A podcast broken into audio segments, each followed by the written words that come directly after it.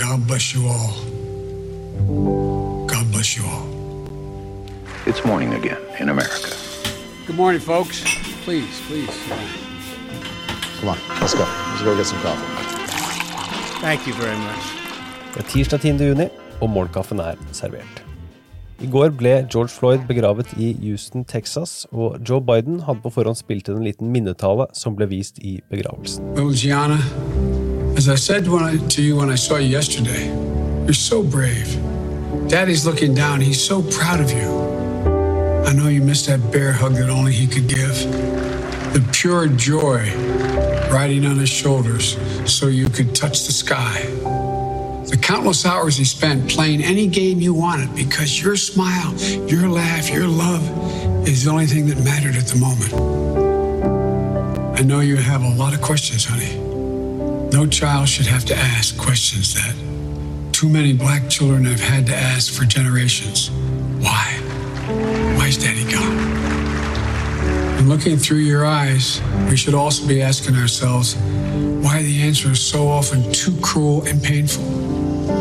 Why in this nation do too many black Americans wake up knowing that they could lose Joe Biden tror Floyd-drapet er et vendepunkt i amerikansk historie. Det sa han i et intervju med CBS News på tirsdag. Jill and I talked to him about uh, it's hard enough to grieve, but it's much harder to do it in public. It's much harder with the whole world watching. We're an incredible family. His little daughter was there, the one who said, Daddy's going to change the world. And I think her daddy is going to change the world. I think what's happened here is one of those great inflection points in American history, for real, in terms of civil liberties, civil rights, and, and just treating people with dignity. Biden sier han tror på fremgang for borgerrettigheter pga. det som nå har skjedd, og protestene i etterkant. Samtidig sier en måling i Washington Post at et flertall av befolkningen mener at Trump håndterer protestene i etterkant av drapet på George Floyd dårlig. 61% er misfornøyd, og av disse er over to tredjedeler svært misfornøyd med måten Trump har opptrådt i denne situasjonen. I den samme målingen sier 69% av respondenter at drap på Floyd representerer et bredere problem i landets politivesen. Dagens andre sak. Trump-kampanjen har brukt like over 400 000 dollar på TV-reklame i Washington DC-området, stort sett på Fox News, og målet skal ifølge kilder være at Trump skal se dem, og at det skal roe hans stadig voksende frustrasjon med status på valgkampen.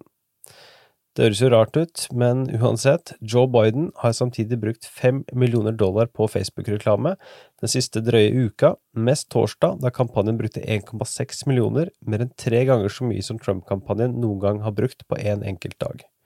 Eksperter mener at den store økningen i pengebruken tilsier at de opplever respons på annonsene, og ikke minst at de drar inn donasjoner på dem. You've seen the Black Lives Matter painted on that street just outside the White House. Dagens tredje og siste sak. Stadig flere ledende demokrater prøver nå å markere avstand til Defund the Police-slagordet, som stadig øker i popularitet i aktivistmiljøer.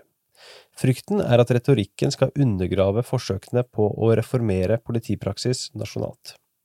Også fremtredende progressive politikere rygger unna Defund-slagordet. Elizabeth Warren sier at hun ikke ville valgt dette begrepet selv, men at det er viktig å lytte til erfaringene som demonstrantene har. Bernie Sanders sier på sin side at han ikke støtter å fjerne politidepartementer rundt omkring i Amerika. Han sier at han ønsker å redefinere hvilke oppgaver politiet skal ha, og at et av hovedproblemene med amerikansk politi er at de ikke er godt nok utdannet, opptrent eller betalt, og at dette må endres. Joe Biden fikk igjen spørsmålet i det tidligere nevnte CBS News-spørsmålet om nedfinansiering av politiet. Some demonstrators added equals defund the police. Do you support defunding the police? No, I don't support defunding the police. I support conditioning federal aid to police based on whether or not they meet certain basic standards of decency and honorableness and, in fact, are able to demonstrate they can protect the community and everybody in the community.